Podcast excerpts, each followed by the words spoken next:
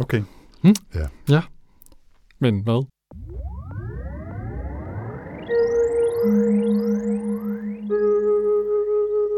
Velkommen til Sci-Fi Snak Med science fiction. og med snak Med Jens Jarl Poder. og Anders Høgh Nissen. Velkommen til. You're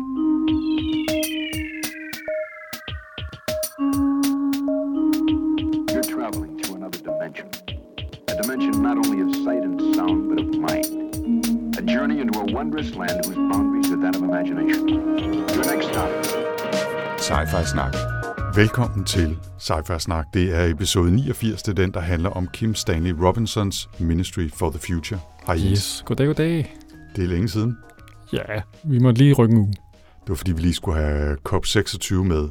Ja, så vi lige kunne øh, reflektere over det. Ja, præcis. Fordi det er jo en bog, en bog, der handler om, øh, om klimakrise på den store Ja. måde. Ja, Ja. ja, det er rigtigt. Lad os bare lade som om, det var det, der skete. Det var, det var lige præcis det, vi gjorde. Ja.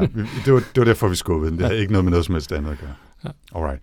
Men før vi kaster os ud i øh, KSR, det er jo sådan, vi Mm. benævner vores ven Kim Stanley, øh, før vi kaster os ud i hans roman her, som er den tredje af ham, vi læser, tror Ja, jeg. det er faktisk, Sci-Fi-snak. øh, han er ved at være med i en, øh, i en øh, lille skare af udvalgte. en lille skare af husvenner. Mm. Men før vi kaster os ud i ham, så lad os tage den sædvanlige og traditionelle siden sidst Mm. runde. Øh, fordi når jeg lige lader blikket falde ned over alt det, vi har haft gang i, så kan det godt være, at det tager et par minutter. Øh, vil du lægge ud? Ja, jeg har fået læst en masse bøger. Jeg er dejligt. stadigvæk på mit, øh, mit trip, der handler om, at, øh, at, at øh, hver gang jeg får lyst til at læse en bog, så har jeg lavet sådan en øh, makro på min computer, der slår den op på alle mulige databaser, hvor man kan læse den. Så det er både e-reolen og e-reolen Global og Mofibo og alt muligt. Og så er det jo sådan lidt som at finde øh, en lille skat, når man finder ud af en bog, man virkelig gerne vil læse. Den kan man læse gratis. Ovenikøbet nogle gange på lydbog. Mm-hmm. Så en af dem, jeg har læst gratis, det er Tykes Kalan nummer to, du Mm. ved. Den hedder uh, Desolation Called Peace, du har snakket om den. Ja. Uh, jeg synes stadigvæk, at det er virkelig en fed serie. Ja. Virkelig fantastisk rumopera, hvis man er interesseret i det. Så, øh, så er det her altså nogle gode bøger, synes jeg. Jeg synes, de, den holdt altså et ret højt niveau. Ja. Øh, og jeg synes, det, der er fantastisk ved den, udover at det er en, en syret verden, øh, de, øh, de bor i og lever i, så, øh, så synes jeg altså, at karaktererne har hvad hedder sådan noget, tredimensionalitet. Ikke? Altså, de virker ægte, og de har følelser, og de øh, er dumme og irriterende på sådan en meget øh, øh, hverdagslig, relaterbar måde, samtidig med, at de er i det der store univers. Ikke? Ja, ja, og, der, er- og de øh, handler på måder, hvor man tænker, "Men kunne du ikke bare gøre sådan her? Men de er jo låst i nogle mønstre, som de ikke kan komme ud af. Ligesom vi jo selv er, ikke? Nogle gange, siger, kan du ikke bare være lidt mere sådan? Øh, nej, det er jo det, der er mit problem. Øh, Der, der er de ret skønne, de her. Ja, men øh, Og så dejligt, har de, dejligt. har de måske nogle af sci-fi-historiens fedeste navne. Ja. Altså, de hedder et tal og en ting. Ja, Nine Seagrass, og, Ja. eller er det One Direction. One Direction? Det er nogle andre. Det er pænt. Ah, hvad der, det er super fedt. Altså, det, jeg har virkelig tænkt meget over, altså 13 Carbon, eller hvad pokker man nu skulle hedde af cool navne, ikke? Men altså, det, det øhm, Selvfølgelig har du tænkt over det. selvfølgelig, altså, Det har jeg faktisk ikke tænkt over, hvad jeg skal hedde. Det er din udfordring til næste gang. Hvis det nu var et program, hvor vi gav hinanden udfordringer, så var det her din udfordring. Det var, at du til næste gang skulle finde ud af, hvad dit øh, Tax Kalan-navn skulle være. Det skal jeg helt sikkert have fundet. Okay, jamen det, det om skal det. vi prøve at se, om jeg kan huske at vende tilbage til. Men, det, men jeg er glad for, at du læste den. Må, må man spørge, hvor du endte med at tildele den af stjerner i Jeg tror, jeg gav den en femmer. Jeg tror, jeg var rigtig glad. sådan? Så det, oh, det tror jeg faktisk, jeg gjorde. Ja. De er skide gode, synes jeg. Jeg vil også sige, det er altså en af dem, hvor jeg er glad for at være sprunget med på, på første etage og regner med at tage den hele vejen op. Ikke? Og man, den, den kan jo, og nu har du læst Culture, det skal vi snakke om lige om lidt, ikke? men den Mm. kan lidt det samme, det der med, det er sådan ligesom, jeg, jeg tænker også meget på, øh, hvad hedder de, Ancillary Justice, Nå, synes jeg også kan noget af det samme. Ja, ja. Og den er lige tilpas mærkelig, til, uden at blive alt for mærkelig. Altså, den kommer ikke over i en Fox Gambit og de der Nej, lige præcis. vanvittige. Den holder sig på den, på den rigtige side, ikke? hvor lige først, når man læser, så kan det godt være, at man lige skal holde tungen i munden. Men man kommer relativt hurtigt med, og, den, og når man kender rammen, som man får i den første bog, så er det jo også væsentligt nemmere at læse toeren, ikke? fordi det er jo det samme univers, det foregår i, og nogle af de samme konflikter osv. Mm. Ja, det, nå, men det er jeg glad for, at uh, du også kunne lide den, fordi jeg var, jeg var også begejstret for toeren. Nu nævnte du så uh, Culture-serien. Der er lidt flere. Uh, der er i hvert fald 10 bøger i den, plus nogle standalone øh, ting fra samme univers, øh, Iron Banks. Og jeg har, som jeg har nævnt utallige gange her i podcasten før, jo sådan doseret med lindhånd bøger fra den serie ud over tiden, fordi der jo kommer ikke flere fra hans mm. hånd, fordi han døde i, det er efterhånden længe siden, 13, 14, 15 stykker, sådan noget stil. Mm.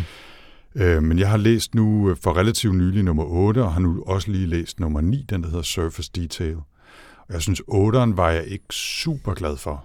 Øhm, den foregår i et lidt, jeg ved ikke, jeg synes, det er univers, ja, det er jo det samme univers, kan man sige, men den, det lokale univers, eller den lokale verden, den foregik på, synes jeg var lidt irriterende, og karaktererne sagde mig ikke så meget. Jeg synes, den var mere end sædvanligt fragmenteret, hvor han jo godt kan lide at lægge mange tråde ud, og så i løbet af de der 600 sider, så på et eller andet tidspunkt, så blander de sig sammen. Og der synes jeg, der gik simpelthen for lang tid, og de havde for lidt med hinanden at gøre, de troede. Hvor jeg synes, den her Surface Detail nummer 9, synes jeg var, øh, var sjov og funky og gode karakterer, og, og den starter bare virkelig hardcore. Altså i det første kapitel er der en, som er stukket af fra sin Lord and Master, som bare har voldtaget hende, siden hun var altså 15 år, øh, altså med jævn mellemrum, fordi hun er hans ejendom, øh, og samtidig repræsenterer en gammel gæld til ham. Så hver eneste gang han voldtager hende, så er det som om han ligesom øh, tager, altså, tager tilbagebetaling for den gamle gæld. Og så ender det med, at hun bliver slået ihjel. Og man tænker bare, what? Jeg havde, jeg havde lige engageret mig i hende her, øh, som er stukket af fra den her tydeligvis kæmpestore idiot, og så slår han hende ihjel. Og man tænker bare, hvad fanden sker der? Og så skal jeg ikke afsløre, hvordan det går videre derfra, men hun dukker op igen.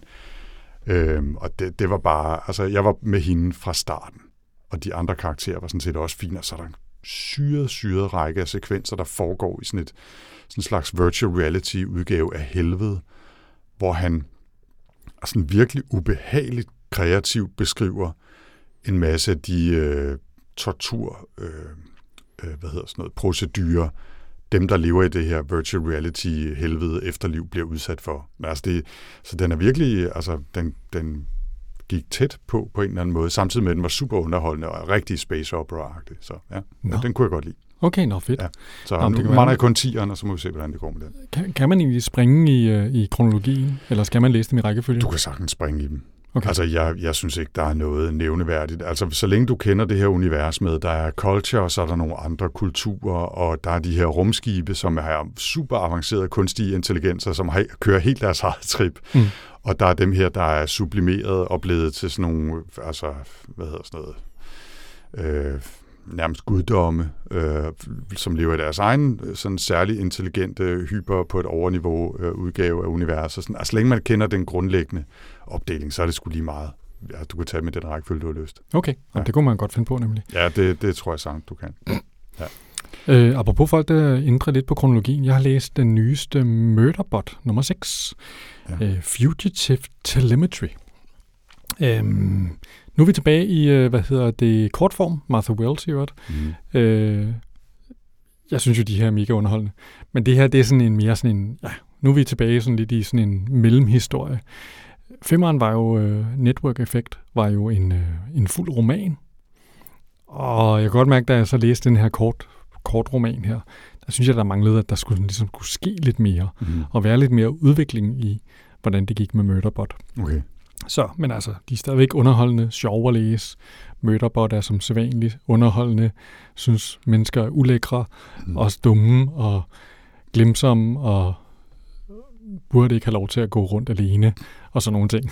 Mm. så, så, ja, men jeg kunne godt det egentlig tænke mig, at hun kaster sig ud i det fulde romanformat igen. Det synes ja. jeg, den, øh, det, var, det var virkelig lidt et highlight nummer 5 i, i den serie. Det var meget sjovt, fordi det var en af dem, som jeg aldrig blev rigtig grebet af. Nå. Jeg, jeg har jo kun læst den første. Jeg, jeg hoppede aldrig rigtig med på, på Murderbot-serien. Nå, selve serien. Ja, ja, ja. ja. Så, øh, så jeg er lidt spændt på, om jeg på et eller andet tidspunkt får den samlet op, fordi du, øh, du sælger den jo meget godt som sådan en... Men altså, der er jo så meget. Der er så meget, Jens. Ja, men det er, det er sådan lidt, man skal elske den der karakter på en eller anden måde. Ja.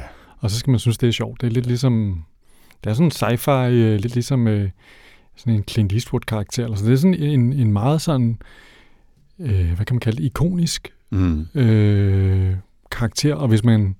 Altså, og når man en gang ligesom har forelsket sig i den, så kan man læse det hele, synes jeg. Ja. Og, det, ja, og for, for lige at, at gribe tilbage til Tax Kalarnik, altså jeg har jo forelsket mig nu har jeg glemt, hvad hun hedder, vores øh, hovedperson i den øh, roman. Mar- Marit Desmar. Ja, det er rigtigt. Jeg har forelsket mig i hende, Mm. altså øh, som karakter, jeg synes hun er fantastisk. Jeg er altså, også glad for Nine Seagrass. Ja, ja, ja, det, det er klart, men, men jeg synes måske, hun repræsenterer en anden kultur, som, Mm. som altså, er jo fremmed for, for vores hovedperson, kan man sige. Ikke? Mm. Øh, men ja, den, den er, jeg, jeg er helt vild med hende, og jeg har også lidt på fornemmelsen om, bliv endelig ved med at skrive bøger med hende, så ja, det vil jeg gerne læse. Altså. Øhm, hvis vi lige skal, skal runde bogsporet af, så vidt jeg lige kan se, så øhm, kommer der jo i morgen i talende stund en ny Neil Stevenson. Fedt. Det er mig, der skal vælge bøger til næste gang. Jamen, jeg glæder mig så meget. Ved du hvad, jeg kan simpelthen afsløre og sige, Jens, at det er ikke den, vi skal læse. Nå. Den hedder Termination Shock, og er jo faktisk en climate fiction roman, som handler om geoengineering i Nå. en ikke nærmere angivet fremtid. Så, øh, så det kunne jo faktisk godt have været en relevant bog at hoppe over til fra, fra Kim Stanley Robinson her, Ministry for the Future. Den Direkte tager vi ved- efter Korps 27 i Ægypten. det, det kan vi gøre, ja. ja. Men øh, ja, men den, jeg har i hvert fald forbestilt den. Jeg forbestilte den helt tilbage i juni måned eller sådan et eller andet. Nu kommer den altså endelig her den 16. november, som i morgen for os, sikkert i forgårs eller i sidste uge for dig, når du hører det her. Nå. Men øh, nu er den altså ude, den glæder jeg mig til at læse. Ellers så har jeg øh, set noget sci-fi. Jeg tror, vi snakkede lidt om øh, Foundation-serien på Apple TV Plus sidst. Der havde den lige haft premiere. Kan det være rigtigt? Den kunne vi ikke lide. Den kunne vi faktisk ikke rigtig lide, og jeg er ikke kommet videre i den. Nej, jeg, Jeg jeg tror, prøvede jeg lidt, kom- og så var det sådan lidt, oh, Ja, nej, jeg gad ikke. whatever. Til gengæld, så er der kommet en ny science fiction serie på Apple TV Plus, som er noget helt, helt andet, som hedder Invasion. Har du set den? Nej. Nej. Det der med de der korncirkler øh, cirkler og sådan noget. Ja. Ja. Og øh, det er ja, det er sådan en first contact. Der kommer noget alienagtigt ned på jorden. Øh, men det er meget mere sådan en ensemble dramaserie, hvor man følger nogle karakterer i timerne efter den her, øh, det er nærmest en meteorregn af noget alien, som både udraderer vores elnet, der skaber kaos alle vejen og smadrer bygninger og sådan noget. Men man følger i virkeligheden de små historier i nogle familier og personers øh, reaktion på den her katastrofe. Mm. Så man ser ikke rigtigt det store, hvad er det, der sker. Og det, nu tror jeg, var hen i 6. afsnit, og det var første gang, man fik bare et lille glimt af, hvordan de der aliens overhovedet så ud. Om det var aliens, eller bare en bakteriekultur, meteorregn, et eller andet. Altså, vi vidste det ikke før lige i, i afsnit 6, men det er, jeg synes, den er super godt fortalt, og netop fordi den fokuserer på det lille menneskelige drama, i stedet for det store sådan Independence Day, nu smadrer vi jorden, og ho, gong ho, soldater, alt muligt ballade, så, så er den virkelig vedkommende og nærværende. Og jeg synes, det er, det er sjovt at se så forskellige science fiction-serier ramme Apple TV Plus på samme tid. Og øh, jeg, havde, jeg havde jo egentlig håbet, at Foundation ville være noget mere, men den har overhovedet ikke fanget mig. Mm. Hvor Invasion er bare sådan et, ja, ja, kom nu, kom nu, kom. Den kom, udkommer også kun en, fredag. en gang om fredag, eller hvad hedder det, ja, hver fredag, ikke? Øh, og håber allerede nu, at de laver en sæson 2. Jeg synes, den er virkelig fed. Nå, Ja. det må jeg i gang med. Ja, det, Det lyder synes- spændende. Altså jeg vil sige, jeg synes afsnit 1 startede godt, så hvis du ikke er fanget der, så behøver du ikke se resten. Men jeg håber, du bliver fanget af den, fordi jeg synes, den er, den er spændende. Nå, fedt. Altså, så er der jo sket øh, noget. Det var, du sendte... øh, Altså, så- det, det er jo sjældent, du sådan decideret sender mig en sms om noget. Men øh, det gjorde det i det her tilfælde, fordi at øh, en af mine yndlingstegneserier, som jeg også snakker om her, Indkalen øh, med John D. Fool af Möbius øh, og Jodorowsky, øh, har fået et, en plan for, at den skal filmatiseres af ingen ringer end Taiki Waititi, Mm. som jo er den her bindegale newzealandske instruktør, som blandt andet har lavet øh, Thor-filmen, øh, hvad nu den hedder, Thor Ragnarok, Mm. mm. og, øh, og også i gang med at lave Thor Love and Thunder, tror jeg, den skal hedde. Det Man har det her utrolige øh, evne til at lave ting, som på samme tid er interessante, men også ret morsomme og meget ironiske. Hvad var det nu, den der nazi-film? han lavede? Jojo Rabbit Ja, har han også lavet. Den er også den er fantastisk, hvor han så- render rundt og spiller, spiller øh, Hitler. Hitler. Ja. Den er helt crazy, men super fed. Virkelig fed, Ja, ikke? ja. Også, og, Og han er også både meget dygtig rørende i virkeligheden. skuespiller Ikke? Altså, og en dygtig instruktør. Rigtig dygtig skuespiller også. Mm. Altså, det er også, øh, jeg lige så lige The Suicide Squad, øh, Okay. for- selvfølgelig det andet univers, Mm-hmm. øh, hvor han har en lille bitte rolle som, øh, som sådan en, øh, i sådan nogle øh, flashbacks, hvor han spiller Ratcatchers far. Okay. Som også, er- der, der, der, der kommer han lige ind, og så øh, kommer der lille tryllestøv ud over det hele. Ja. Så, og det er jeg ret spændt på. Altså, det er jo en fuldstændig vanvittig tegneserie, og, og filmatisere det. Wow. Man håber, det bliver godt, ikke? Jo. Altså, nogle gange så går det ligesom med Foundation. Ja. Andre gange så, så lykkes det. Men det er jo nok det, at, øh, at Inkalen er enormt... Øh, er jo sådan en meget humoristisk tegneserie, men også sådan meget spirituel tegneserie. Og det der med sådan ligesom at skulle koble de her to ting, det tror jeg på en, altså, jeg tror ikke, den går over i det der. Foundation er jo bare kedelig, fordi det virker som om, der sidder nogle folk, der har fået nogle rigtig store budgetter, og nu skal det fandme være over the top, ikke? Og der skal altså bare ikke spares på nogen special effects. Det eneste, der mangler, det er et bankende hjerte inde i midten. Ja, det må man sige. Mm. Øhm, nu bliver det så lidt løst, ikke, fordi det går op for mig, at jeg ikke sådan for alvor har gravet alle detaljerne op om de næste to ting. Så kan vi ikke bare sige, at det er nogle bullet points. Det ene bullet point er, at Station 11, som vi jo læste tilbage i episode, øh, og rigtig godt kunne lide, den øh, kommer på HBO Max. Som serie? Ja. Og øh, Three Body Problem, som vi jo læste i episode, øh, den øh, kommer på Netflix. Bliver det sådan noget future Anders klippet ind til lige at sige den rigtige, det rigtige i episode? episode 73. ja. Jeg ved ikke, hvornår det var. Gå tilbage og søg i arkivet eller på øh, cybersnak.dk. Øhm, og det er jo bøger, vi begge to rigtig, rigtig godt kunne lide. Mm. Både Three Body Problem og Station 11. Øh, og jeg har hørt sådan lidt forsigtigt om, at måske så traileren ikke helt så fantastisk ud, som man havde håbet. Og med Station 11 ved jeg ikke lige, hvor meget sådan noget post-apokalyptisk øh, virusballade man kan klare, vel? Men, øh, men ja, jeg, jeg glæder mig til at se, hvad de kan få ud af det i hvert fald, for jeg synes, det lyder spændende. Så, hmm. Det er jo som om, at det er sådan et, et øh, hvad hedder det, eksponentielt accelererende øh, problem, det her. Eller ikke et problem, men det her med, at IP bliver, altså bøger bliver samlet op og bliver ligesom hævet ind i det her med, at vi har brug for noget. Vi har brug for noget content til Ja, de her. ja. Øh, vi skal føde de her kæmpe store streaming-platforme. Altså det er som om, at, at øh, altså, det, er- det er altså nogle rimelig, øh, hvad kan man kalde det, altså rimelig nichebøger, de her to. Ikke? mm, Og jeg er godt klar over, at, Ja, øh, ja. at Philip K. Dicks øh, noveller, der er blevet til store science fiction film, er, er også ret niche. Men altså Station 11, ikke? Altså, hvem fanden kender den bog? ikke særlig mange, tror Nej. jeg. Men, men noget af det, som, er, som jeg synes er sjovt ved det, er, at, at de sidste 10 år, øh, og- og især streamingtjenesterne nu, har gjort, at, at der bliver kastet virkelig mange penge og gode kræfter efter at lave serier. Og noget af det, som er, problemet med, med bogfilmatiseringer, er jo meget tit, at man kun får en lille del af dem med. Mm. Mm. Hvor hvis du laver øh, 10 afsnit af en time, jamen, så kan du lige pludselig få meget mere af en bog med. Øh, på godt og ondt, kan man sige. Ikke? Men tit så føles det i hvert fald, hvis man kender bogen i forvejen, som om, at, man, at, øh, at det er en mere øh, ægte filmatisering, når det bliver en serificering. Ikke? Mm. I stedet for, at de bare udvælger et eller andet plot, plot tråd, og så er det den, de fokuserer på. Ikke? Så jeg, jeg synes sådan set, at der er et godt potentiale i det, ikke? Men, øh, men altså, det, det skal jo stadigvæk laves ordentligt, øh, ellers er det jo lige meget. Ikke? Ja. Øhm, for lige at runde øh, den sidste streaming-historie, så øh, har Apple TV Plus, Gud døde med os, lanceret en tredje science fiction-serie, som er sydkoreansk og hedder Dr. Brain. Og øh, ja, den nåede jeg tre kvart ind i første afsnit, før jeg måtte, før jeg måtte give op. Og, øh, og jeg tror egentlig ikke, det er fordi, det, altså, det er jo sydkoreansk, det er jo en anden kultur, det er en anden måde at spille skuespil på, og der er meget mere skruet op for melodramaet hele vejen rundt, ikke? Men vi har sådan set, øh, især sidste vinter, så vi en del sydkoreansk på, på Netflix, og har sådan set vendet os til den der måde at spille skuespil på, og fortælle Mm. historie på, og kunne egentlig ret godt lide det.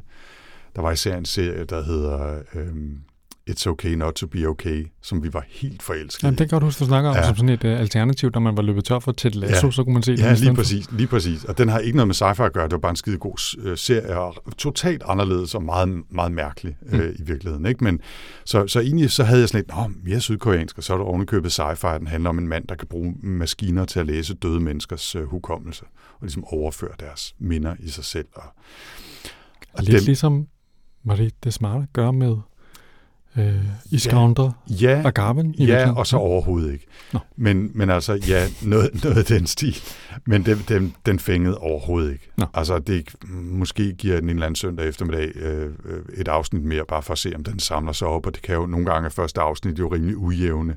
Og de skal ligesom fortælle lidt for meget på lidt for kort tid, og så føler man ikke rigtigt, man får, får et, et, et rigtigt billede af, af de mennesker, der er med, vel? Men øh, ja, jeg ved ikke, den fængede ikke. Hmm. Og så er der sgu så meget andet, man kan kaste sig over til, at, at, øh, at det måske er spild af tid at prøve at gå tilbage til den. Ikke? Altså noget af det, man kunne kaste over, var jo at læse nogle bøger af Kim Stanley Robinson, for eksempel. Det kan der også gå god tid med, Mm. og det har vi jo gjort til den her gang. Yes. Og, og måske skal jeg bare ligesom sige som en lille, øh, hvad hedder sådan noget, det er ikke en teaser, det er ikke en spoiler, det er en øh, etikette på min, mit bidrag her. Det, jeg læste jo den her bog i sommer, Mm. og jeg har selvfølgelig lige genopfrisket den en lille smule, men det, du har den nok lidt mere præsent, end jeg har. Okay, Bare hvis der er et eller andet, jeg siger, som er fuldstændig i skoven, så skal du endelig rette mig. Hvis Der Okay. er noget, jeg har glemt, ikke? yes, yes. Okay, godt. Men det var dig, der valgte, at vi skulle læse den i uh, sci snak Ja, altså det var jo øh, meget sjovt, for det er jo ikke så længe siden, vi har læst en øh, climate science fiction, eller cli-fi. Hæslig. Det, det er ikke en, en god betegnelse. Nej, nej, men det er jo det, de siger. Det er jo frygteligt. Er det rigtigt? Ja, det Nå, okay. står flere steder. Det er jo ikke så længe siden, vi læste New York 2140, Mm. som jo er mega fed. Super fed bog, ja. Rigtig, rigtig fed, ikke? Ja. Øh, og, øh, og det er jo sådan, ligesom sådan en ting, som han nu har... Altså, han var jo det helt store ikon i 90'erne for at lave sådan noget hard sci-fi, ikke? Og vi læste først rød Mars, og blå Mars, og grøn Mars, ikke? Og man tænkte, hvornår kommer lilla Mars, og gul Mars. Øhm, Polkaprikket Mars. altså, det var virkelig... Øh, altså, og, og hans, det er jo hans ting, det der med ligesom at være virkelig dybt inde i nogle videnskabelige detaljer, og så ligesom få lavet nogle store sprawling romaner ud af det. Mm. Og det er han sådan set stadigvæk på. Øhm, nu har han bare kastet sig over og skrive om klimaet. Mm. Øhm, og det er øh, Ministry for the Future jo i den grad også sådan en bog. Øh, og måske... Øh, jeg kan huske, at vi læste 2140, ikke? der snakkede vi lidt om, der var sådan temmelig meget eksposition, og, og så var der ligesom den her fortælling, der ligesom sådan koblede det hele sammen. Ikke? Men jeg husker det som om, der var mindre eksposition end, øh, i 2140, end der er i Ministry for the Future. For ja. det her, det er Kim Stanleys fantasi om, hvad skal der ske de næste 30-40 år, sådan at det hele kommer til at være okay. Øh, så, så det er en bog, der handler om, hvordan, hvordan vi klarer den. Øh, og, det, det, øh, og der kan man sige, de her karakterer, der så er med, vi har nogle hovedpersoner, sådan, de er også spændende, men det er slet ikke det, der er det vigtigste i den her bog. Det vigtige er den store historie. Ja, det vigtigste, det er den store fortælling. Ja. Og, der, og der ruller han sig jo altså ud med, med alt det, han kan, ikke? Altså, Jo. og, og fuldstændig uden nogen som helst behov for ligesom at pakke det ind, der får du bare lige et kapitel om, hvordan Gini-effekten virker, og alle de her forskellige ting. Sådan, Ja. bum. Ja, vi har, vi har nogle hovedpersoner. Ikke? Øh, den ene er Mary Murphy, som er leder af en ny FN-organisation, der hedder Ministry for the Future. Ja, det er Som- sådan kælenavnet for... Ja, men de skal ligesom, øh, hvad kan man sige, tage fremtidige generationers, øh, øh, hvad hedder det, rolle og Mm. forhandle på deres vegne i øh, den aktuelle politiske og samfundsmæssige situation. Ikke? Altså, ja, fordi det er jo det, der er problemet der. Hvem snakker egentlig for fremtiden? Præcis, og det Altså- får hun så lige pludselig på sig at gøre. Hun er en af vores hovedpersoner. Hun er den, vi, vi tilbringer mest tid med. Følger hendes, øh, både hendes tid som, som, jeg kan ikke engang huske, om det er direktør eller leder af det i hvert fald, øh, minister. Øh, jeg kan ikke huske, hvad hendes titel er. Generalsekretær. Ja, det er hun sikkert.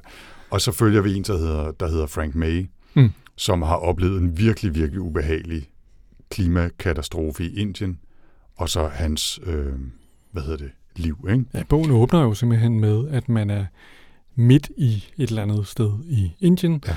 og, øh, og strømmen er gået, og klimaet, øh, klimaet er gået amok. Det er blevet sindssygt varmt, og, øh, og de her mennesker kan ikke gøre noget som helst for at beskytte sig selv mod, mod denne her øh, dræbende hede, der er. Præcis. Men pointen her var, at øh, det er de to, som i virkeligheden er vores hovedpersoner, Mm. som sådan bevæger sig lidt rundt om hinanden, øh, øh, både på afstand og tættere på, også senere i løbet af historien.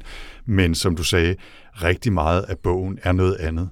Det er andre personer, der fortæller. Der er også nogle sidehistorier øh, med folk, der er nede på Arktis, og nogle af Mary Murphys øh, ansatte og medarbejdere og kontakter rundt omkring. Men, Men mange af kapitlerne er netop, som du siger, jamen så får vi lige historien om Gini-effekten, eller vi får lige at vide, hvad, øh, hvad for nogle teknologier man kan bruge til at og, hvad hedder det, indfange øh, kulstof, eller man får lige øh, historien om kulstofatomer set fra kulstofatomets synsvinkel. Eller, Ej, altså, det er rigtigt med, der, hvad der, hedder det, point of view-karakteren, carbonatomet. Præcis, ikke? Altså, så det er sådan en, en, en meget fragmentarisk, kaleidoskopisk historie, hvor der så er nogle røde tråde og nogle personer, der er gennemgående på tværs af det her.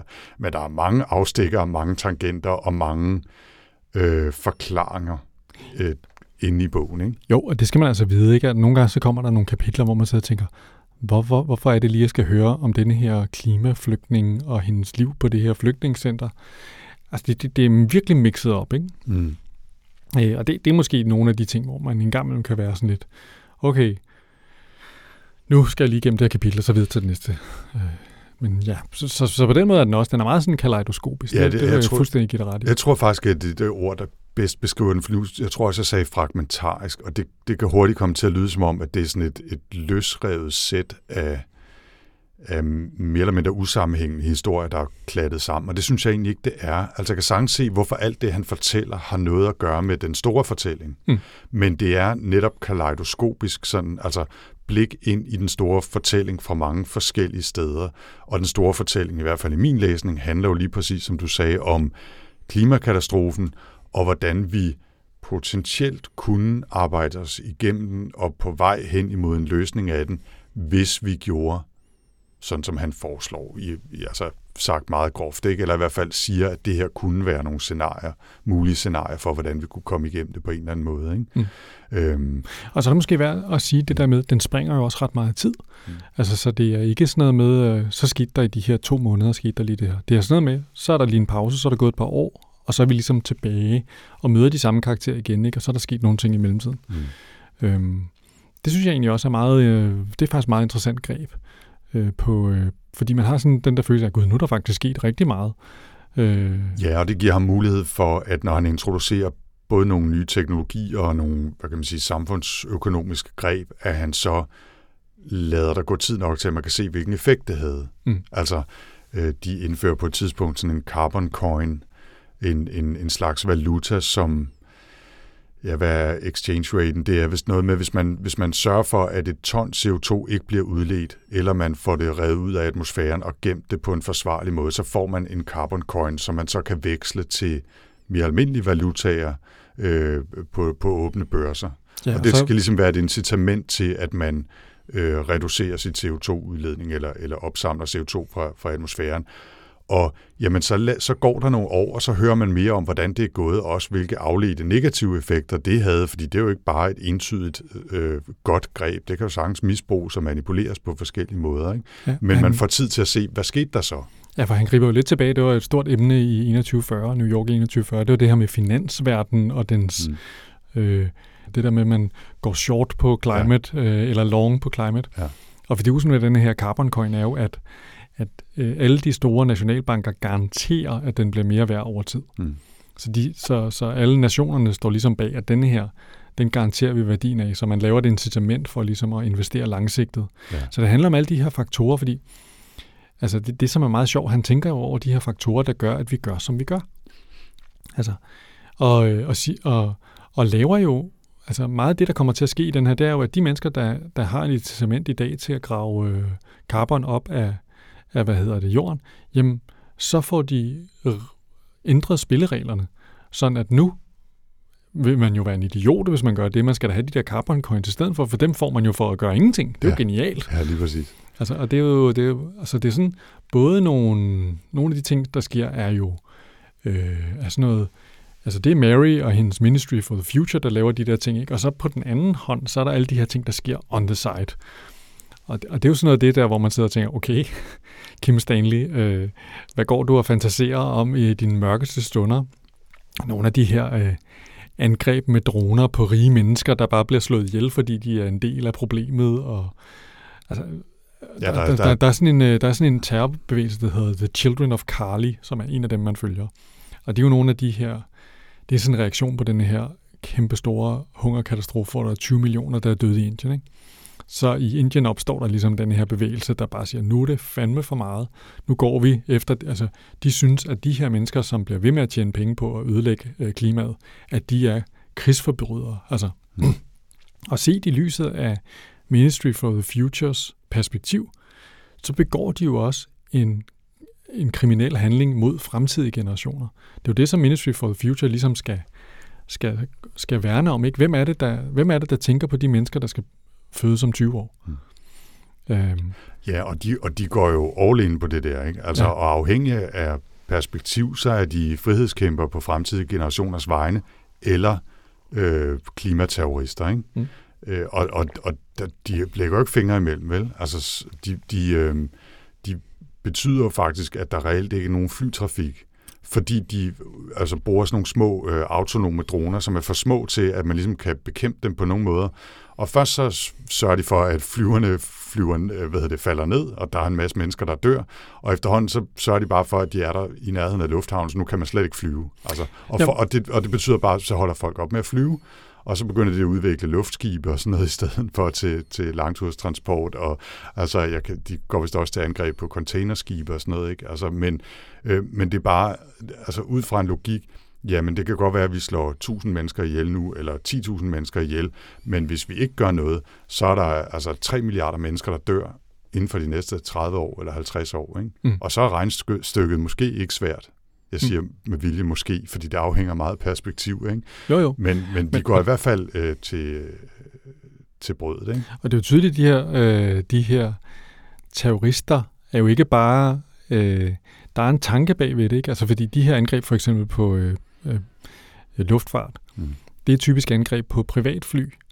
Så folk, der flyver privatfly, bliver angrebet, og så det er sådan meget... Øh, Altså, man prøver at vise, at det, at det er farligt at flyve, men man prøver at gøre det på en måde, så at man rammer så få som muligt. Ja. Og dem, man rammer, det er dem, som man synes er rigtig slemme. Ikke? Det, som jo så også er, er interessant, og, og her er jeg så en lille smule tåget på, på detaljerne, jævnfør min lille advarsel om, at det er nogle måneder siden, jeg har læst den. Men, men øh, det bliver også antydet, at øh, Ministry for the Future har sådan en Black Ops afdeling, som, mås- antyd, som måske har nogle kontakter med nogen, som også kunne være Children of Carly, og måske på en eller anden måde synes, at det er okay, at der bliver lavet sådan noget, som, altså, som man ligesom på den ene hånd kan give nogle incitamenter, og på den anden, altså på den ene, med den ene hånd lidt gulerod, og med den anden hånd lidt kæppe. Ikke? Mm. Altså, og kæppen her er så, at nå, men det kan risikere, man kan risikere, at der er nogen, der dør, hvis de prøve at flyve alligevel, eller hvis de graver alt for meget olie op af jorden osv. Det er jo faktisk noget af det, der er meget sjovt ved bogen, ikke? for den starter jo faktisk øh, med eller sådan et stykke inde i bogen meget tidligt, så øh, Frank May, vores mand, som er ødelagt af, af hvad hedder det, oplevelsen i Indien, hvor han har været en del, og den eneste overlevende i en hel by, der bare er død af, af varme. Og selvfølgelig har han en kæmpe masse skyld og kæmpe frustration over, at der ikke sker noget. Han kidnapper jo øh, Mary, øh, Øh, hende her, generalsekretæren for Ministry for the Future en dag. Og han udfordrer han jo på, prøv at I sidder jo bare og snakker, I gør ikke noget. I gør ikke nok. I burde gøre mere. Altså, og hun er jo fanget i den der med, nå, men altså, hun arbejder, jo inden, hun arbejder jo efter reglerne, kan man sige, ikke? inden for systemet. Men det, det bliver jo ligesom hendes, det bliver ligesom hendes skub til at begynde at sige, prøv, hvordan kunne jeg gøre mere? Og så har hun jo med en af hendes øh, medarbejdere en dag sådan en samtale om, altså han sagde jo ham her, Frank, antydede jo ligesom, at man godt kunne have sådan noget black ops eller sådan noget, hvor man gjorde nogle ting i hemmelighed og sådan noget. Så ham der medarbejder, han sådan ja, er du, spørger du mig om det her, eller, præcis, eller, præcis. eller skal vi bare lade det ligge? Ja. Han antyder ligesom, at det er det er sådan ret meget i gang med allerede. Ja. og det er meget vigtigt, at hun ikke ved noget om det, fordi hun skal kunne sige, det er det, der er pointen med en Black Ops-enhed, det er, at chefen for det hele skal ikke vide noget som helst, fordi chefen skal kunne sige, ja, det har vi ikke gjort, nej. Mm, lige præcis. Altså, mens der bliver optaget og under mm. ikke? Ja. Men ham her, han har jo en scene senere i bogen, hvor han så møder de her Children of Carly for at få dem til at stoppe. Det er rigtigt, Og hvor ja. han så siger, ja. I am Carly. Ja, det er rigtigt. Så det er så ret cool, synes ja, jeg. Ja, det er rigtigt. Der, der, der var mere i den, end jeg lige huskede, men, men det, er, det er bare interessant, ikke? Og det er jo det er jo interessant, den der snak, men, men kan man gøre mere? Ikke? Altså, hvor meget mere skal man gøre? Fordi, ja, det er okay at kæmpe på fremtidige generationers vejen, men nu er vi så faktisk også nogle mennesker, der lever nu. Altså, er det rimeligt at tage dit liv nu?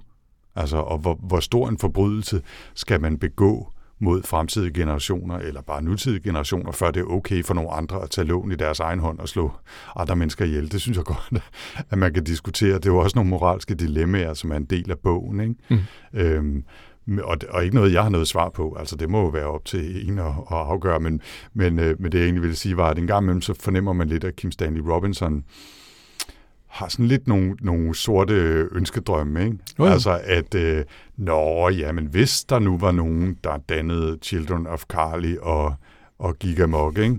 Altså hvis Extinction Rebellion øh, lige skruede, skruede op til 11, så vil han måske ikke øh, være ked af at se det som en, en trussel, som måske kunne være nogle mennesker, med til at få nogle mennesker til at gøre mere i dag, ikke? Mm.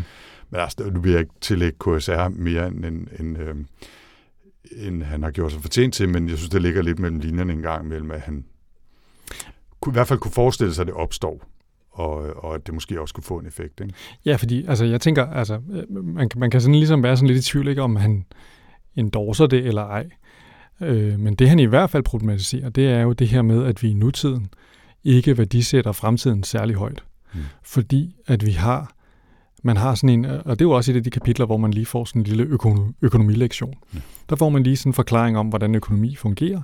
Og øh, for eksempel, hvis man sparer 2 millioner i dag, så, øh, så, kan man, så, kan, så er der ligesom sådan en rate, hvor med at, at de penge, jamen de svarer til et meget større beløb i fremtiden. Så det vil sige, øh, et problem, man, man skal betale 2 millioner for at løse i dag, svarer måske i virkeligheden til 2 milliarder i fremtiden. Mm. Og det gør så, at øh, logikkerne omkring det her, logikken er bygget op som, at man forventer, at fremtidige generationer vil have bedre muligheder for at løse de her problemer, så dem kan vi bare sende videre til dem. Ja. Det lyder som noget, jeg har hørt øh, rigtig, rigtig meget de sidste 14 dage. Ja, men det er så den måde, man ligesom regner de, her, regner de her ud på. Når man siger noget om noget kan betale sig, så er det fordi, man har denne her discount-rate på, hvad, hvad kan give mening at gøre nu. Men hele den forestilling om, at vores børnebørn eller børn har bedre muligheder for at løse klimaproblematikken, end det vi gør nu, er jo en, altså det holder jo ikke mere. Det er en, det er en falsk forestilling. Det, det, de, hvad hedder det, de muligheder, vi er ved at berøve dem. Og det, det er, nu, nu tror jeg, vi nævnte det i starten også, ikke? men i talende stund er det jo to døgn siden eller sådan noget, at COP26 sluttede i Glasgow, ikke? og selvom der er kommet en aftale ud af den, som er marginalt bedre end, øh, end den, der kom ud af København i sin tid for eksempel, ikke? så er det jo heller ikke fordi, at man har på fornemmelsen, at der er sket nok siger jeg som privatperson her øh, inde i mikrofonen. Ikke? Men altså, det er min klare opfattelse, at der er sket væsentligt mindre, end der burde være sket mm. øh, i Glasgow. Ikke? Og øh, et af de tal, der lige dukkede op i min læsning af nogle af referaterne i dag, var, at vi har jo på et tidspunkt sagt, at vi vil give 100 milliarder til øh, udlande, øh, ulande, til, i kompensation, for, så de ligesom kunne tage nogle større skridt i retning af at, at øh, skære ned på deres CO2-udledninger. Ikke? Ja, det, det og, lovede vi for 10 år siden. Ja, og de penge har vi stadigvæk ikke givet dem. Det er 100 milliarder som globalt samfund, vi har lovet at give dem. Hvor mange milliarder tror du, USA giver i subsidier til den fossile industri? 6.000 milliarder. Jamen, du kan bare se, hvad det har kostet det er, om dagen at føre krig i Afghanistan. Det er altså. simpelthen så ulækkert. Altså, det er virkelig ulækkert, når man sidder og ser, ja, men hvor de slår sig i tøjet for at lige give dem de penge, de har lovet at give dem. Altså, som bare de stadigvæk kan give dem, og så se, hvor meget de brænder af på at give til dem, som modarbejder hele den dagsorden, vi er i gang med at arbejde på. Jeg, jeg har det virkelig dårligt med det. Ikke? Mm. Og det er en af grundene til, at jeg i sommer, da jeg læste Ministry for the Future, virkelig havde en, en ambivalent oplevelse med det. Ikke? Fordi på den ene side, så, så tænker man bare, vi er så fucked. Altså, det, det her, det er bare en katastrofe. Og den der første scene i bogen, ved den der frygtelig, frygtelig hedebølge, wet bulb, hvor det ikke bare er høje temperatur, men det er også høj luftfugtighed. Og det er det, der for alvor slår folk ihjel, og hvor Frank May er den eneste overlevende. Øhm, den er, jeg synes simpelthen var så hård, og jeg tænkte bare, det der, det er nu. Altså, hvis det ikke er nu, så er det i morgen, og det, altså, vi ved ikke, hvad vi skal gøre ved det, og vi kan åbenbart ikke finde ud af at gøre noget ved det. Samtidig, og det der, hvor ambivalensen kommer ind, så viser han jo en potentiel vej ud af det, mm. som ikke er magisk science fiction et eller andet. Det er måske lidt i familie med noget af det der, nå ja, men hvis vi bare venter 10 år, så har vi nogle teknologier, der kan et eller andet. Ikke? men han viser en vej hen imod de teknologier, og han viser alle de samfundsmæssige tiltag, eller nogle samfundsmæssige tiltag, man kan gøre for at hjælpe de teknologier og supplere dem. Så det er ikke bare, når man trylle, trylle, tryllestøv om 10 år, så kan vi bare hive CO2 ud af atmosfæren og gemme det uden problemer. Der er ligesom nogle skridt på vej hen imod det. Så, så jeg tænkt, på den ene side, det er frygteligt, og du har fuldstændig ret, vi er fucked, og der er klimakatastrofe hele tiden. Og på den anden side, når jamen, hvis vi alle sammen tog det her alvorligt og gjorde noget, så kunne vi jo faktisk godt komme i retning af en løsning. Mm. Og det, det, det er noget af det, jeg synes er fantastisk ved den, at den ikke bare er dystopi, og den er heller ikke kun utopisk, når det skal nok gå alt sammen, fordi selv i den fremtid, han beskriver, hvor mange af de her ting er iværksat og har haft en effekt, der er jo stadigvæk masser af problemer. Mm. Altså, og det er jo ikke som, vi bare kører jorden tilbage til, til før industrielle niveauer af CO2 i atmosfæren, og så er alting godt. Men vi har fået dog knækket kurven, og det er jo ligesom det bedste, vi kan håbe på lige nu. Ikke? Og så, så en gnist af håb var der jo i hvert fald i den. Ikke? Mm. Nå, men det er jo det, der gør, man, man, altså det, det, det, der gør den så fascinerende. Mm-hmm. Det, er, det, det er jo en af de, altså jeg har, tror ikke, jeg har læst noget lignende. Udover 2140. nej, nej, men den er jo øh, måske mere, altså den fortæller ikke den her store historie. Enig. Den, øh, den fortæller en bihistorie. Mm. Øh, den fokuserer meget på det der finansielle øh, de finansielle greb, ikke? og hvad, hvad er det aktiemarked og alt det der. Ja. Øh, og det er også en del af den her bog, men den her, den prøver virkelig at fortælle hele historien, mm. og alle grebene, og komme hele vejen rundt, ikke? fra flygtningelejren i øh, Zürich til, øh, til, hvad hedder det, indlandsisen, hvor de... Øh, øh, på Antarktis, hvor de bor huller ned igennem gletsjerne for at tømme det vand op, der ligger under gletsjerne, så når gletsjerne holder op med at, og altså, glide ud i vandet. Glide ud i vandet, ikke? Ja. og fortæller historier om de, øh, de, hvad hedder det, forskere, der er dernede, og ham, der frøs fast med sine støvler, da han stod helt vand ud. Og mm. fede historie, ikke? Ja. Uh, det, det, det, synes jeg, og det, det, altså, det er det, der gør den her ret unik. Ja. Ja, det synes jeg. Øhm, inden vi gik i gang, så, øh, så snakker vi lidt om, om der var nogle af de her mange, mange kaleidoskopiske facetter, som havde ramt os særligt. Øh, og, og jeg kan i hvert fald sige, at en af dem, der ramte mig, var den, jeg lige fortalte om før, nemlig åbningsscenen, mm. hvor, øh, hvor en, he, altså en hel region i Indien dør i en kæmpe katastrofe på grund af, af hedebølge og, og den her høje luftfugtighed. Den var, jeg, den var altså beskrevet på en måde, så jeg nærmest følte, at jeg ikke kunne trække vejret. Mm. Fordi altså, det var sådan, det blev beskrevet. Ikke? Og også på det tidspunkt, der har man jo ikke læst resten af bogen endnu, som så bare tænker, hvad fanden er det? det? Den her bog er meget tyk, synes jeg. Ja. Og er, er det sådan hele vejen igennem? Ja. Det bliver jo helvede, Jamen, det her. Den var virkelig, virkelig ubehagelig, synes jeg. Ja. Den, den ramte mig. Den, altså, hvis man bare læste den ene, så skulle man være en kold skid, hvis man ikke følte, at nu skulle der gøres noget. Mm. Er, der, er der noget særligt, der har sad fast hos dig? Øhm, altså, jeg har jo nævnt det her med, med deres luft. Altså, hele fortællingen om, hvordan luftfarten kommer, bliver, bliver nakket, mm. den kan jeg godt lide. Mm. Øh, og så er det her med at bo under gletsjer, synes jeg også er sjov. Og så, hvad hedder det, er der også sådan på et tidspunkt, hvor de fortæller om, hvordan man, øh, man laver sådan nogle øh, maskiner op øh, omkring problemet ved, øh, er jo, at Nordpolen begynder at smelte. Og hvad så? Hvad skal man nu gøre? Fordi hvis Nordpolen smelter, ja, så hvad hedder det... Øh, så bliver det vand der pludselig varmt, så bliver begynder det at optage meget mere varme, fordi det ikke reflekterer øh, øh, solens stråler tilbage. Så de bygger sådan nogle små øh, soldrevne øh, øh, maskiner, der sprøjter vand op i luften. Mm. Og bare det, at vandet bliver sprøjtet op i luften, jamen så bliver det til sne, og så har de sådan maskiner, der bare sådan er selvkørende, sådan nogle, ligesom sådan nogle plæneklip-robotter nærmest bare, øh, bare oppe på indlandsisen, der, der laver sådan. Og så når de, de har været for, for gode et stykke tid, ja, så fryser de måske fast, og så, øh, så ligger de stille et par år, indtil det måske så smelter igen, og så starter det igen. Mm. Altså sådan nogle, sådan nogle historier er han ret god til lige at ja. fortælle. Og så synes jeg, en, en, øh, det er jo mest en, en tangent hen imod slutningen af romanen, men Øh, han vender tilbage til de der luftskib, han er så glad for. Dem, dem fik vi jo også en del oplevelser med i 2140. Ja, det må nok sige. Og der var hende der, den meget, meget crazy øh, videoblogger, der drønede omkring og redde, med isbjørn. redde isbjørn og sådan noget. Ikke? Nu med ekstra isbjørn. Ja, og, øh, og, og sådan en luftskib dukker, dukker op igen, og Mary Murphy tager på et tidspunkt en tur rundt og ser øh, sådan en rigtig, rigtig langsom cruise, luftcruise-tur rundt. Undskyld på, på kloden og ser, ser Antarktis og ser naturen og ser også alle katastroferne og så videre. Ikke? Og jeg, jeg mand, hvor vil jeg gerne på sådan en tur.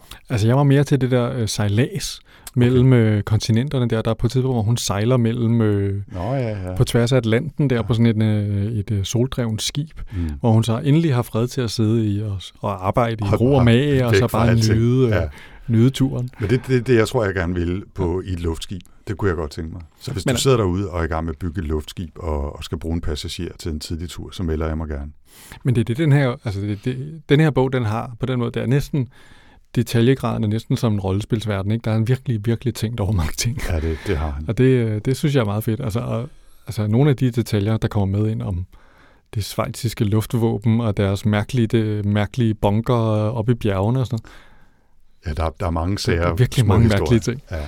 Men, Og, ja. og, og en, en, øh, en måde at, at tale om de her bøger, som vi har med i Sci-Fi Snak, som vi glemmer en gang imellem, men som, som jeg nu husker, fordi jeg kigger på vores noter, det er det der med at snakke om, hvad bøgerne minder os om, mm. eller hvilke andre bøger en, en given bog minder os om. Og noget, der lige slog ned i hovedet på mig, da jeg så på det spørgsmål tidligere i dag, det var Moby Dick, Okay.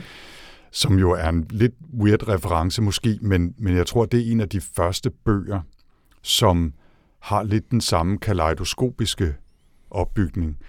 Og jeg tror, hvis, hvis, hvis man ikke har læst Moby Dick, eller ikke har læst den for nylig, så har man en idé om, at det er en valfanger, der skal ud og fange den her store hvide val, og den enbenede kaptajn Ahab, der er bindegal, og, og jagter den der øh, hvide val øh, på, altså, mod alle odds, og, og uden øh, hensyntagen til sin besætningsliv og, og, og lemmer. Ikke? Men det, der også er med bogen, er, at den har kapitler, som beskriver, hvordan lever en kaskelotval?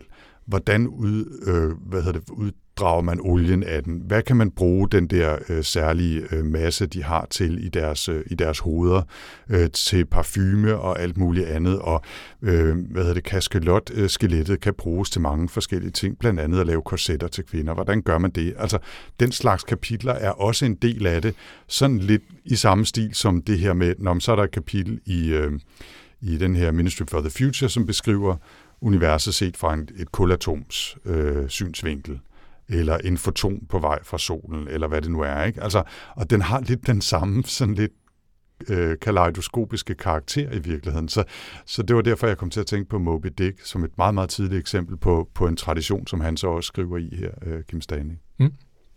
Jeg tænkte på en af de første bøger, vi i virkeligheden havde sci-fi snak, øh, World War C, Mm. som også er sådan en, der er det så ikke klima, klima, hvad hedder det, altså vi snakker ikke om filmen her, den er frygtelig. Ja. Men bogen er faktisk ret fed, og den er også episodisk på den her måde. Zombie Ja, historie. det er så zombie-historie, ikke? Om, at, hvor der pludselig starter sådan en, øh, en, en plague af zombie. Øh, og, og i starten har det jo kæmpe implikationer for den her verden, og folk kan slet ikke øh, klare det. Og, og, men også over lang tid får man ligesom fortalt små novelleagtige historier, der, der fortæller, hvordan menneskeheden dealer med de her ting. Ikke? Hvor til sidst er det sådan et job, man kan have.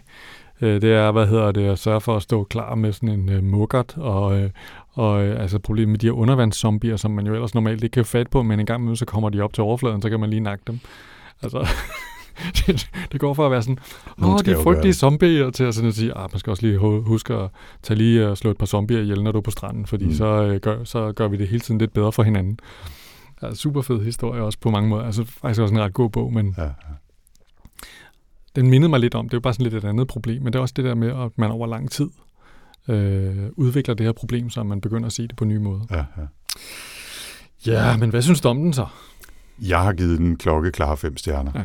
Jeg synes, det var en fantastisk bog. Mm. Og, øh, og også en bog, som øh, ramte mig personligt på en Mm. eller anden måde, som jeg har antydet tidligere. Altså, jeg synes, den, den betød meget for mig at læse, udover at jeg synes, det var en fantastisk bog, og jeg elsker den slags ensemblefortællinger. Øh, og så gør det ikke noget, at man også lidt bliver udfordret med masser af tangenter og, og mærkelige små øh, afstikker. Ikke? Altså, det er jo også en af grundene til, at jeg godt kan lide Neil Stevenson, det er, at han virkelig excellerer i den slags, og nogen måske vil mene, at han skruer for meget op for, at der bruger for meget tid på det. Nej, slet ikke. Slet. Men, øh, men altså, det, den, den slags ting kan jeg godt lide. Så jeg synes, det var en, en, en god historie, og en bog, som jeg i virkeligheden synes, at, at de kunne have droppet den første uge af COP26, og så skulle alle bare have læst den, og Mm. så skulle de være gået i gang med forhandlingerne. Ikke? Så tror jeg faktisk, det var gået bedre. Om de skulle have lavet sådan en intervention, ligesom de laver der på den der, øh, hvad hedder det, hvad nu det hedder, det der sted i uh, Schweiz, de altid tager til. Øh, Ja, Davos. Davos, mm. Hvor de Samler besætter, lederne. besætter ja. Davos og, øh, og øh, tvangs øh, uddanner dem i øh, verdens problemer. Ja. Øhm, Ja, altså, altså- så fem stjerner herfra. Okay. Mm. Yes, altså, og du, du, du gav jo ligesom serven til mig, ikke, på, øh, der, det er nok en af de sådan, typiske ting, hvor at jeg reagerer mere negativt på, hvis der er for meget af sådan noget, hvor det, altså for mange biveje. Mm. Og jeg synes måske, at Kim Stanley Robinson er slem til at skrive biveje ind i sin historie. Det var også et problem i New York 2140. Alt for meget med hende her, bloggeren, og på den her, i den her bog, der er det også sådan lidt, ikke? Altså, der er nogle skæbner omkring nogle flygtninge, vi følger meget tæt, men som jeg ikke rigtig kan se rigtig bidrager til meget. Mary og Franks øh, relation er måske i perioder meget interessant, men der er også nogle dele af den, hvor man tænker, Nå, ja, super spændende fieldtrip med Frank op i et øh, bjerg, hvor han kigger på en ged i 20 minutter og næsten ikke når sit tog. Mm. Nej, hvor spændende. Altså, øh, der er sådan lidt, hvor man tænker, åh oh, Ja, man, okay, altså, det, er jo, det er okay. jo nogle gange der, hvor man bliver så berømt en forfatter, at øh, redaktørerne, de måske engang med lige sådan, der skulle de lige hæve sig lidt mere fast i, i bordkanten, synes jeg. Mm. Men altså, fire, stjerner, fire klare stjerner. Det synes Og, jeg også er øh, okay. og, og det er fordi, at det sådan ligesom er... Altså, i hjertet synes jeg, det er en femstjerne bog. Men hvis, der, hvis jeg nu sådan skulle være helt ærlig, så kan jeg godt se, at den har nogle alvorlige problemer. Mm. Eller ikke nogle alvorlige problemer, men der har nogle problemer, der gør, at den måske ikke rigtig er sådan et fuldt mesterværk. Mm. Men på content og på idé og på altså væsentlighed, der synes jeg, der, der er den helt op at spille. Så jeg synes virkelig klart, at man skulle kaste sig ind i at læse den her bog. Jeg synes, det var en kæmpe oplevelse. Ja. Ja, så fik vi snakket om, øh, om klimaet for en gang skyld. Det Øhm, men, øh, men skal vi så læse Neil Stevenson og hans øh, Cli-Fi-bog næste gang? Nej, det skal vi faktisk Nå. ikke. Nå. Jeg, jeg skal læse den inden næste gang, skal jeg nok fortælle om den. Så Okay. slip, slipper du for, for det. Men øh, nej, vi skal læse noget helt, helt andet. Okay. Øh, jeg synes jo, det har været meget sjovt at gribe helt tilbage til nogle tidlige sci-fi-forfattere. Ja, det er rigtigt. Du har været sådan i, øh, i gemmerne. Ja, det, det, var, det er sjovt, som det kommer i bølger, ikke? Øh, fordi der var en overgang, hvor jeg synes, jeg var den, der hele tiden valgte øh, sådan nogle nye Ja, techno Der er udkommet en ny bog i går, ja, den skal vi læse. Den skal vi læse. Nu er jeg gået i den anden grøft. Øh, sådan er det med mig. Og øh, det, vi skal læse til næste gang, det er H.G. Wells' The Time Machine Nå, fedt. fra 1895, som øh, jeg faktisk ikke kan huske, jeg har læst. Hvis jeg har læst den, så er det way back i gymnasiet eller et eller andet. Ikke? Øh, men det er jo, det er jo øh, den bog, som fandt på begrebet en time machine, Mm. og øh, er jo en relativt kort historie, som handler om en tidsmaskine bygger, som rejser langt ud i fremtiden og møder en helt anden slags samfund. Og ja, øh, mere er der vel ikke at sige om den. Altså, det er jo en klassiker, som jeg tror meget få mennesker har læst i virkeligheden, og måske det er nærmest definition af en litterær klassiker. Det er en, en vigtig bog, som meget få mennesker har læst, men jeg glæder mig i hvert fald til at læse den. Ja, det bliver da sjovt. Og så få, få, få den med i øh, bagkataloget på... på øh, altså, Jeg synes, det er en, måske en vigtig, øh, hvad hedder det, pæl lige at sætte og markere et territorium, vi ikke har været så meget i. mm, ja, det giver mening. Det, Ja. ja. det vil jeg også glæde mig til. Ja, så H.G. Wells' The Time Machine fra Jeg er 1895. spændt om, på, om min øh, bogmakro, den øh, kan finde den gratis på en eller anden service. Jeg ved, at den kan findes gratis på alle mulige steder, Ja, fordi det må den, være noget den er, domain. ja, lige præcis. Den er, den er så gammel, så den for længst er tilgængelig i alle mulige gratis versioner. Det er bare et spørgsmål om at æde, hvilken typografi den, er, den kommer i. Mm. Okay. Ja. Spændende, spændende. Ja. Og øh, jamen, øh, det må jeg jo i gang med. Ja, og i mellemtiden, Ja, så øh, er man jo altid velkommen til at kigge forbi øh, Goodreads, hvor vi har den her sci-fi snak-gruppe, hvor man kan komme input til bøger. Og øh, ja, ellers så kan man også finde os på sci-fi-snak.dk, mm, som er vores hjem, hjemmeside. Øh, og der kan man finde hele bagkataloget, hvis man, øh, hvis, man, øh, hvis man synes, det er sjovt at, at læse omtaler. Og, men der er også nogen, der kommenterer derinde øh, og kommer med kommentarer, så det er man også velkommen til. ja, og, og altså, det er selvfølgelig sjovt at følge med i, hvad vi læser aktuelt, men vi har jo efterhånden, ja, 89 episoder med en hel masse spændende og vigtige science fiction bøger, både nye og gamle, så man kan sagtens gå tilbage og lytte. Og måske kunne det også være meget sjovt at høre, hvad- hvordan vi lød, og hvad vi sagde for 5-6 år siden, da vi læste science fiction. Gud, hvor lyd jeg ung. Ja, lige præcis. Det var også det, jeg tænkte. Men ja, besøg øh, vores øh, sci snak-gruppe på Goodreads, eller besøg sci eller begge dele. Og så skynd dig ud og skaff både Ministry for the Future og The Time Machine til næste gang. Yes. Tak for i dag, Jens. Selv tak du, det var en fornøjelse. Det var det. Ha' det godt. Hej. Hej.